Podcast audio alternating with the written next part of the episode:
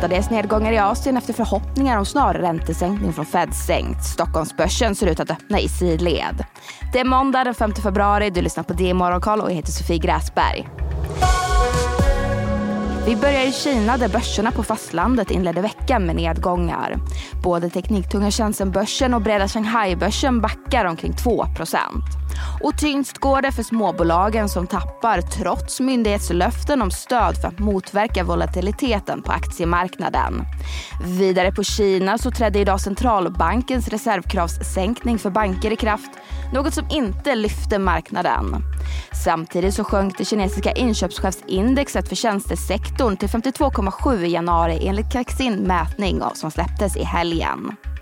Och utanför fastlandet i Hongkong så rör sig börsen i stilen med en lutning åt det negativa.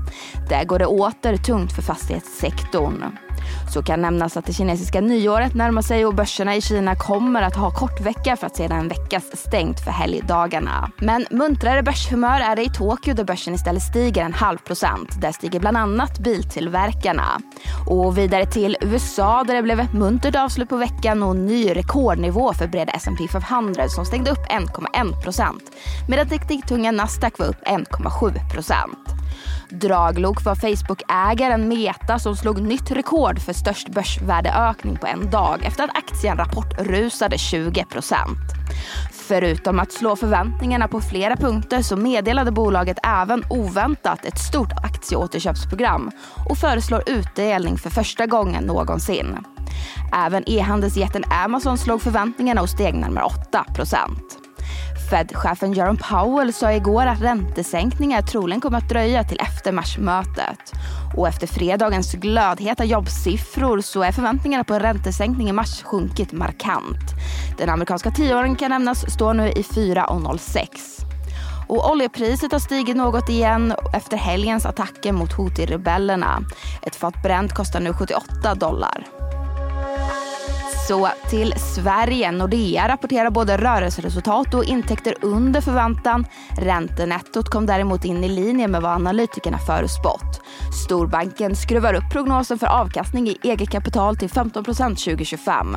Vi kan väl även nämna utdelningen som höjs kraftigt till 0,92 euro men som trots det inte når upp till förväntningarna.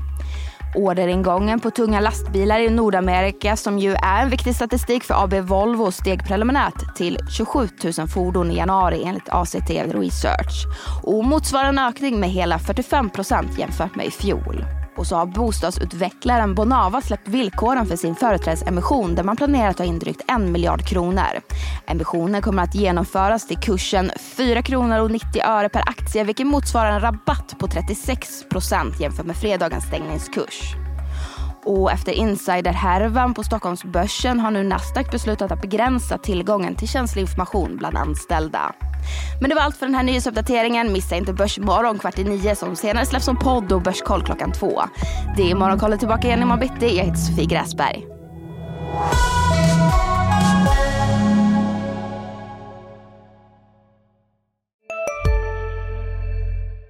Där det finns ett samhälle, där finns det brott. Krimrummet är podden som tar brottsligheten på allvar. Jag bjuder in landets ledande experter och tar upp aktuella rättegångsfall för att begripliggöra den kriminalitet som kryper allt närmare. Du, alltså, du kan knäcka ett eller några gäng, men det kommer komma nya och så kan vi knäcka dem sen. Men att du ska knäcka allt forever, det kommer aldrig ske.